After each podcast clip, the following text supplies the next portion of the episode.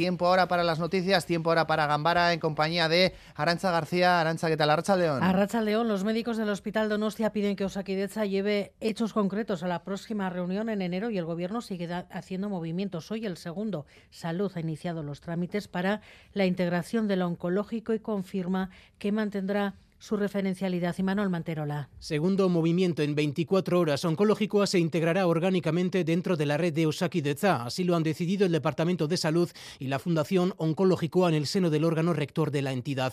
Ambas están vinculadas desde 2018 a través de un convenio, pero ahora se trata de integrar de forma que el centro especializado en cáncer sea parte de la red pública para tratar a los pacientes oncológicos. Como centro monográfico sí, pero dentro de Osakidecha. Era una de las demandas más destacadas de los médicos críticos con la dirección de la OSI Donostialdea, que antes de conocer esta noticia en su última asamblea del año pedían hechos concretos al departamento. John Zabaleta, portavoz. Relativamente optimistas, todavía no hemos conseguido nada, no se ha hecho nada más que escucharnos. Si hay pasos concretos, pues seguiremos avanzando en un perfil discreto como en el que estamos o eh, plantearíamos en la asamblea si hubiera que hacer algo más o no en caso de que no haya ningún movimiento. Han dado de plazo hasta el día 18 de enero, que es cuando mantendrán un nuevo encuentro con la dirección de Osakideza. Lo que sí han valorado de forma muy positiva es que la consejera se haya comprometido a que el Hospital Donostia sea el único centro autorizado para la técnica IPEC de tratamiento del cáncer peritoneal.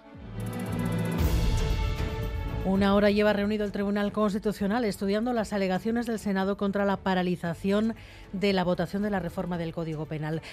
denuncian indefensión, le piden que levante el veto para que se pueda votar mañana, pero no hay demasiadas dudas de cuál va a ser la respuesta. Y Saro Baza, la novedad de los últimos minutos es que la Fiscalía quiere que los magistrados recusados sean apartados de la deliberación. Eso es, la Fiscalía del Constitucional ha pedido apartar de la deliberación de esta tarde a dos magistrados conservadores, a Pedro González Trevijano y Antonio Narváez. Ambos tienen el mandato caducado desde el pasado junio. El Pleno deberá decidir si apoya la recusación de estos dos magistrados antes de decidir si levantan el veto a la votación de las enmiendas para renovar el Poder Judicial y el Tribunal en el Senado mañana. Esto determinará el resultado de la deliberación de hoy, pero ya el lunes el Pleno decidió rechazar estas recusaciones, por lo que todo parece indicar que hoy hará lo propio. El pleno de urgencia ha arrancado hace poco menos de una hora y, salvo sorpresa, parece poco probable que el Tribunal de Cuentas se desdiga. A la espera de, que, de lo que dé de sí el pleno, el Gobierno prepara una proposición de ley para renovar el TC y el CGPJ, pero primero quiere esperar a conocer el auto del Constitucional y evitar así futuros recursos. Vicepresidenta Yolanda Díaz. Desde luego, eh, nosotros vamos a esperar a que se dicte el auto del Tribunal Constitucional y cuando el Tribunal Constitucional dicte el auto, pues efectivamente después presentaremos la PL. Los socios de investidura ya conocen el texto y han adelantado su apoyo. Los yelchales, eso sí, piden que el espíritu de las enmiendas se mantenga, pero no confirma si firmarán la propuesta. Bueno, pues ese es el nuevo plan de Moncloa, intentar otro procedimiento legislativo en lugar de mezclar la reforma del mecanismo de elección de los magistrados del Constitucional con la reforma del Código Penal, plantearlo directamente en una proposición de ley. Lo que está descartado es volver a intentar el acuerdo con el Partido Popular. El choque entre Sánchez y Feijo esta tarde en el Senado no deja ningún puente en pie. Ustedes lo están intentando, pero a pesar, a pesar de que intenten que el Parlamento no hable, ya les garantizo yo que el Parlamento va a hablar y va a hablar claro y alto. Ha pisado usted este mes el acelerador de la degradación institucional. Ya sé que su gobierno va de incendio en incendio, pero por favor no se puede permitir reducir a cenizas la arquitectura democrática e institucional de España. Dicen que son el Partido Constitucionalista, pero tienen ustedes una particular forma de, interpretar la Constitución. La Constitución establece que los mandatos de las Cortes Generales y también del Gobierno de España son cuatro años, pero el Partido Popular tiene un matiz que incorporar. Son cuatro años cuando gana el Partido Popular. Cuando pierde el Partido Popular, elecciones anticipadas desde el día siguiente. Eliminar el delito de sedición no mejora la integridad territorial del país. Eliminar el delito de malversación o rebajar sus penas no mejora la lucha contra la corrupción. Y colar una reforma del Poder Judicial por la puerta de atrás no mejora la separación de poderes. Señor Sánchez, le vuelvo a reiterar, no se crea que todos los votantes del PSOE le van a seguir No se lo crea. Y otra voz en este debate, la del presidente del Superior de Justicia, reconoce que de facto se ha introducido un recurso de inconstitucionalidad preventivo y añade Pedro Subijana que el veto tiene que viene a constatar que los intereses políticos han absorbido lo institucional. Evidentemente no favorece un clima, digamos, de respeto institucional y un clima, en definitiva, de reflexión institucional. Estamos eh, asistiendo desde hace tiempo a una situación de crisis importante en lo institucional, a quizás, en definitiva, una fagocitación de lo institucional por lo partidista y probablemente, evidentemente, ese tipo de decisiones con esta, digamos, situación, digamos, de conflicto o tensión entre dos poderes del Estado, pues no favorece precisamente el asentamiento del clima de normalidad institucional. Y ahora queda por ver el impacto de esta crisis en la intención de voto. El último CIS sí parece detectar pequeñas variaciones. El PSOE seguiría ganando las elecciones, pero el PP ya corta distancias y solo está a dos puntos. Cuando se hizo la encuesta, el debate político estaba centrado en los efectos de la ley del solo sí es sí y en la reforma de la sedición.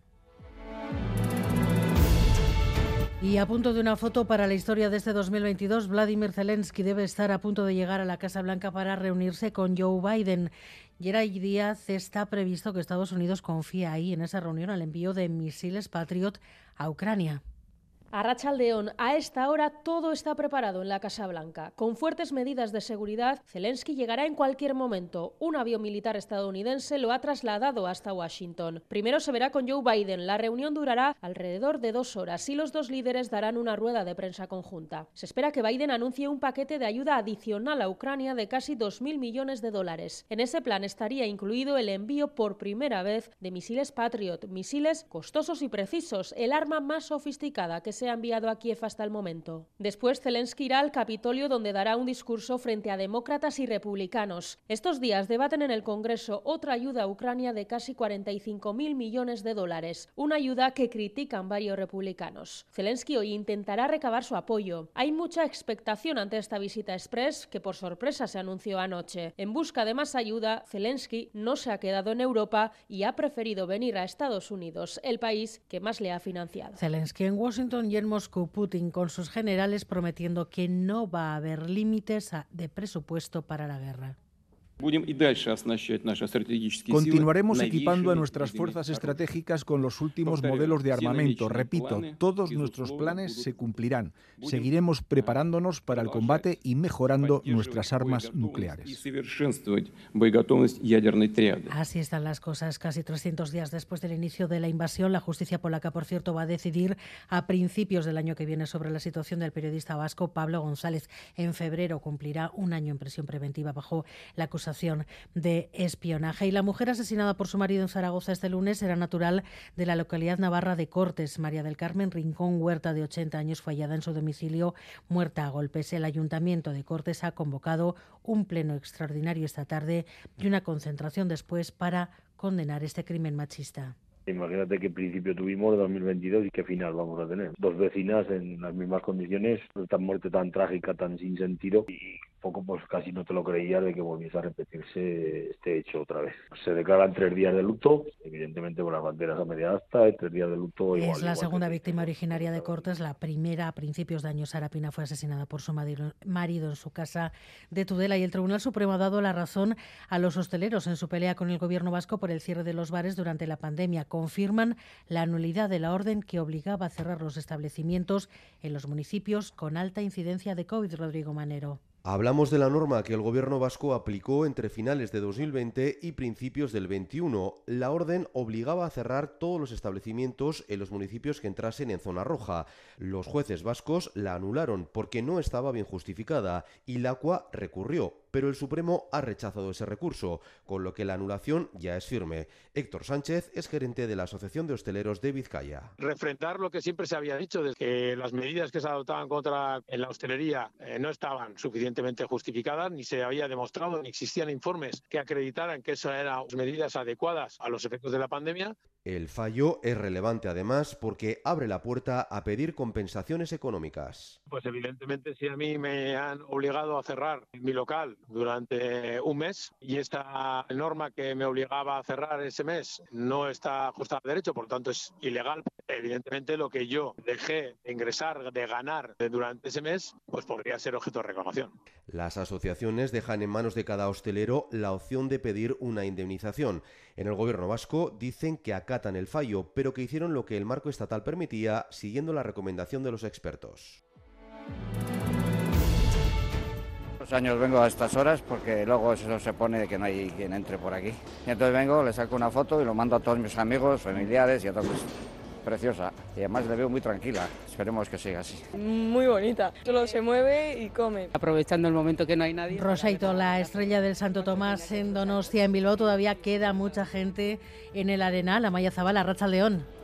Arrachaldeón, así es, a esta hora repleto de gente y ambiente extraordinario en el Arenal de Bilbao. La mayoría de los puestos de los productores están cerrando, pero los que durante todo el día no han tenido la ocasión de venir están aprovechando ahora para comprar los productos locales. Y cómo no, comprarse también o comerse un buen talo con chistorra acompañado de sidra o chacolí, siguiendo la tradición. Y es que hay quien se ha cogido el día libre y lleva todo el día disfrutando de esta fiesta de Santo Tomás, pero también hay quien se ha incorporado al ambiente después de una jornada de trabajo. Escuchamos algunas de ellas. Pues yo llevo aquí desde las dos he salido de trabajar a la una y media y ahí en Indauchu y me he venido aquí, pues llevo desde las dos comido aquí, talo, un poco de sidra y en un ratillo a casa porque mañana hay que volver a trabajar. Y nada, yo me, yo me incorporo un poquito más Como decíamos, se acaba la fiesta de día, pero para los más parranderos quedan muchas horas por delante y es que la verdad, con esta temperatura primaveral, apetece alargar el día. Pues para celebración, Diego, esa persona que ha sellado el boleto del Euro Millones con 51 millones de euros de, de premio y para los que y para los que están hablando del calor que hace hoy, del buen tiempo que ha habido en Santo Tomás, a las 11 menos 10 entra el invierno y lo está haciendo, como veis, con temperaturas bastante más altas de lo habitual para estas épocas. Sí, invierno casi a 20 grados, la verdad es que mucha envidia. Y no por lo del Euromillones, que bueno, también, sino por el tema del talo, eh, el chacolí, la sidra, incluso hasta ahora también un trocito de pastel de arroz. Mañana, mañana hay otra oportunidad que, está, que tenemos el sorteo de la, Navidad, y todavía quedará tiempo para disfrutar cuando Y quedará tiempo. Además, el pico de los 51 millones es interesante, porque son 51,6 millones de euros, ¿no? Creo que ha sido el premio. Pues sí, sí, sí. O sea que no, está, mal, ese pico. No está mal. Es que ricasco, Arancha.